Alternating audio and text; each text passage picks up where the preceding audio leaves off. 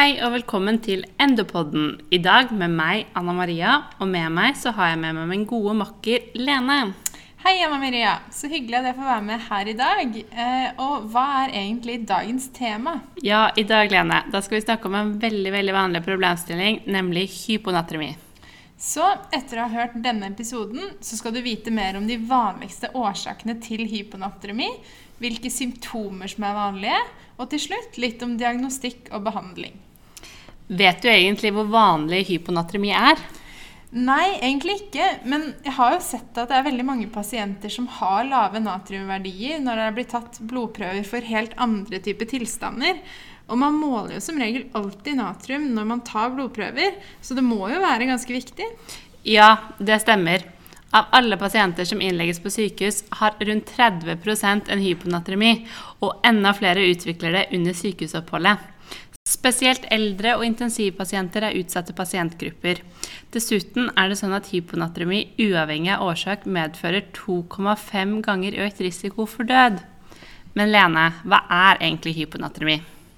Hyponatremi det er jo egentlig en ubalanse mellom vanninnholdet og natriuminnholdet i den ekstracellulære væsken i kroppen vår. Faktisk så er det sånn at hyponatremi er den absolutt vanligste elektrolyttforstyrrelsen vi kan få. Og mekanismen bak eh, er nesten alltid for mye vann i forhold til natrium. Så hyponatremi er som oftest et vannproblem. Stemmer. Dette har jeg jo lært om før. Men jeg klarer aldri å huske hva normalverdiene for natrium er. Ja, det er jo nok av normalverdier å skulle huske på i medisinen. Men normalverdiene for natrium i serum er altså mellom 135 og 145 millimol per liter. Så en hyponatremi det defineres altså som en serumnatrium under 135. Eh, og så kan vi videre dele hyponatremi inn i lett, moderat og alvorlig. Akkurat. Men det som er viktig å huske på, er at hyponatremi defineres etter nivået av natrium i serum. Det sier altså ingenting om kroppens totale natriumnivå, men om balansen mellom natrium og vann ekstracellulært. Videre ser vi både akutte og kroniske hyponatremier, og tilstanden er akutt dersom den har vart i under 48 timer, og kronisk hvis den har vært i mer enn 48 timer. Men eh, hvis vi ikke vet hvor lenge det har vart, da Det er jo ikke sånn at man går rundt og liksom kjenner på sine egne natriumverdier og kan vite hvor lenge man har vært hyponatrem? Nei, det stemmer. Du har helt rett. Så hvis vi ikke vet hvor lenge den har vart, så må vi gå ut ifra at den er kronisk, og behandle deretter. Ok, men det gir jo mening. Eh, men så kan vi jo gå over til det som ofte kan skape litt forvirring, men som jo er ganske viktig å huske på når vi snakker om hyponatremi, nemlig serumosmolalitet. Ja, serumosmolalitet, ja. Ja, Det er kanskje ikke det første man tenker på når en pasient eh, kommer inn med hyponatremi. Men osmolalitet er jo altså definert som antall løste molekyler i et volum med væske. Og i vår ekstracellulære væske så er det natrium som dominerer, sånn at endringer i natriumverdien også vil påvirke osmolaliteten i serum. Kroppens viktigste hormon for å regulere denne osmolaliteten, det er det som vi kaller antidiuretisk hormon, som produseres i hypofysen. Eh, og det fører til økt reabsorpsjon av vann i nyrene. Ja, dette gir jo veldig mening. Men er antidiuretisk hormon det samme som ADH? Ja, det er helt riktig. Medisinen er jo veldig glad i forkortelser, og det er jo litt kjappere å bare si ADH.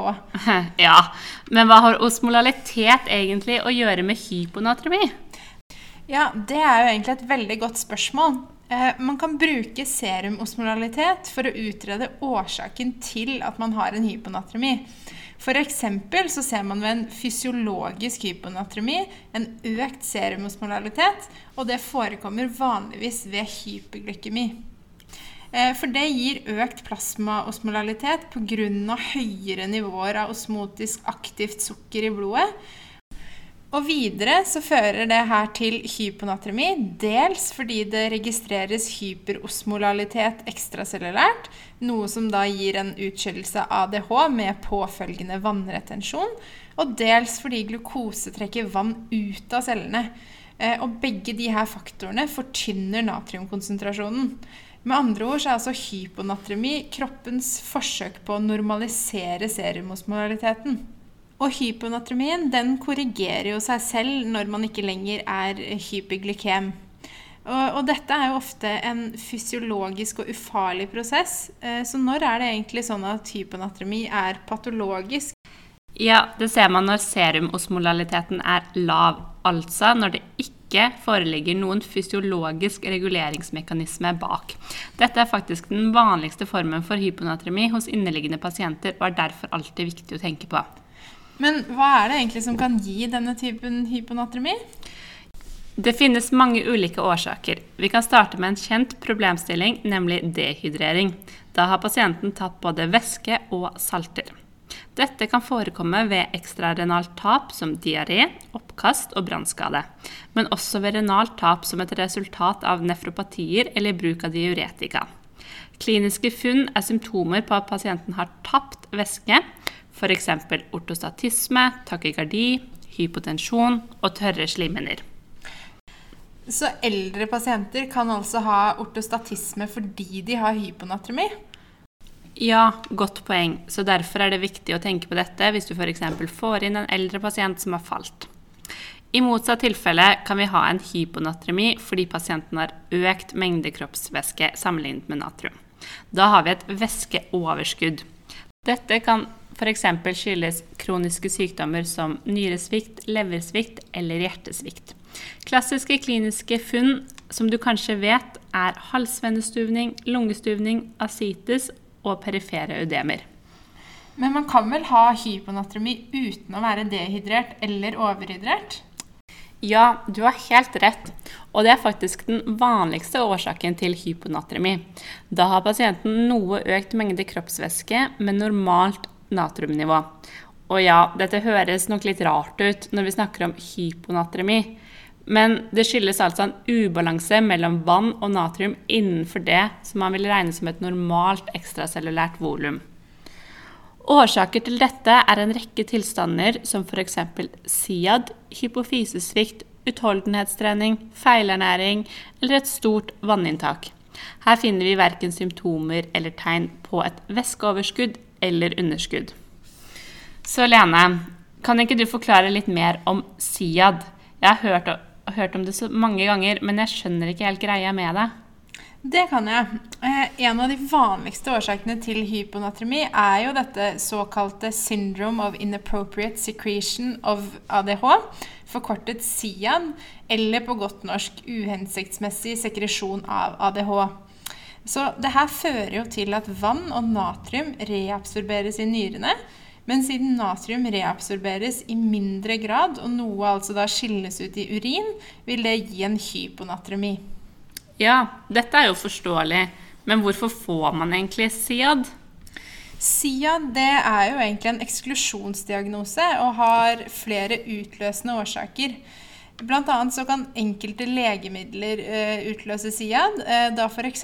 vanndrivende medikamenter som tiazider, men også antidepressiva, opiater, uh, blodtrykksmedisiner som ACE-hemmere og A2-blokkere, og også NSIDES. Videre så er det en rekke patologiske tilstander som kan utløse SIAD, uh, bl.a. kreftsykdom i lunger og andre lungesykdommer som lungebetennelse. Også hjerneblødning, hodetraumer og respiratorbehandling kan være utløsende årsaker. Men det er også viktig å huske på at vanlige tilstander som stort fysisk stress, kvalme, oppkast og smerter kan gi opphav til denne tilstanden. Dette ga jo veldig mening. Så kort oppsummert kan hyponatremi skyldes både dehydrering, et væskeoverskudd eller en ubalanse mellom vann og natrium i.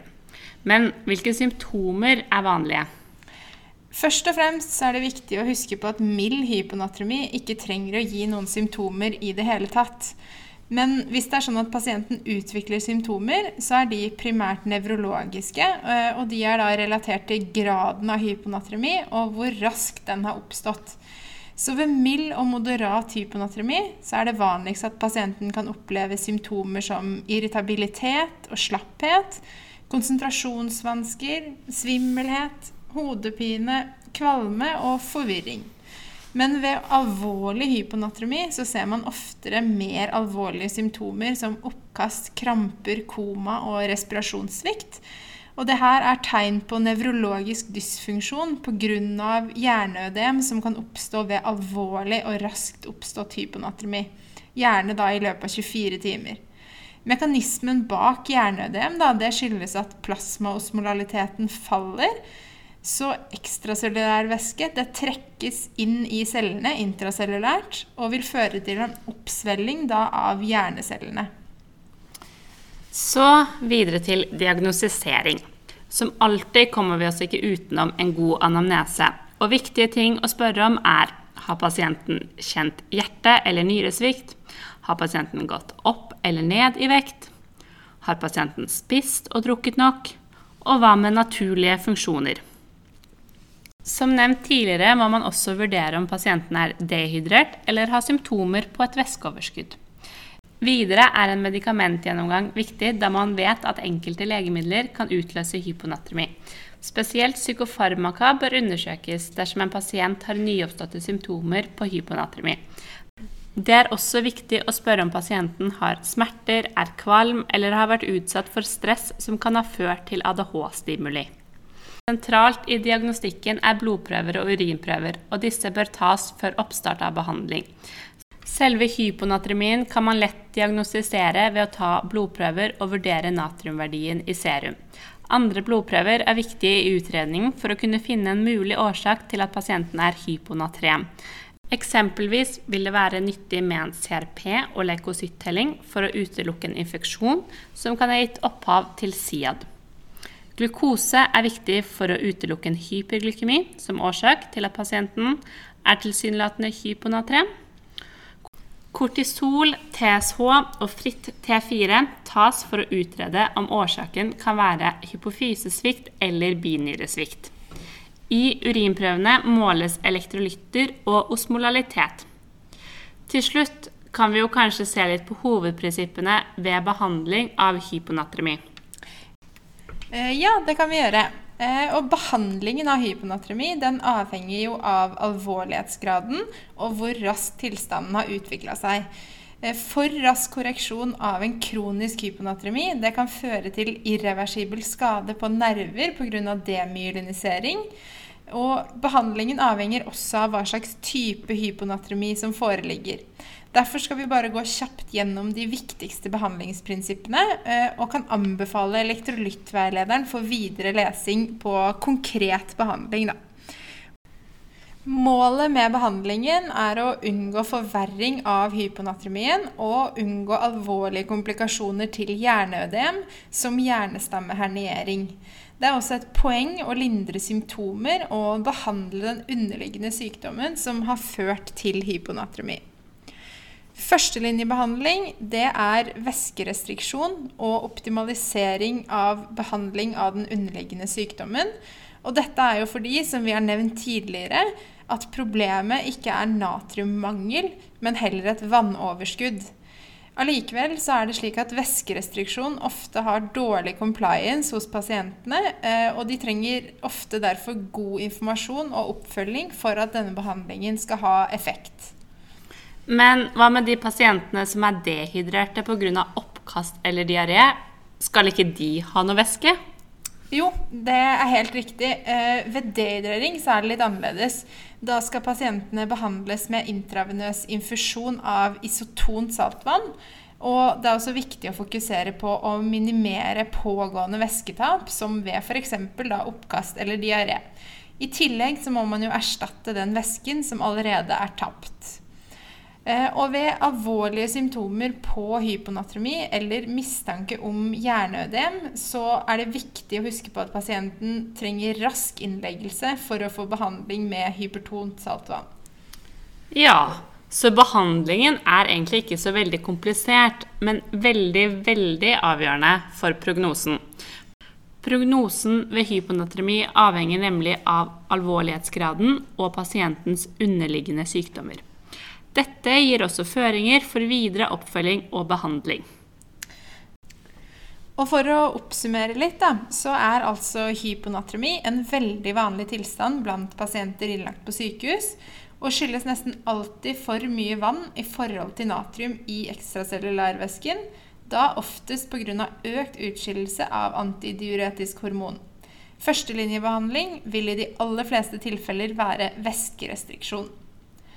Hvis du vil lære mer, så anbefaler vi sterkt den nasjonale veilederen i endokrinologi og elektrolyttveilederen som du finner på Helsebiblioteket. Takk for oss. Ha det bra!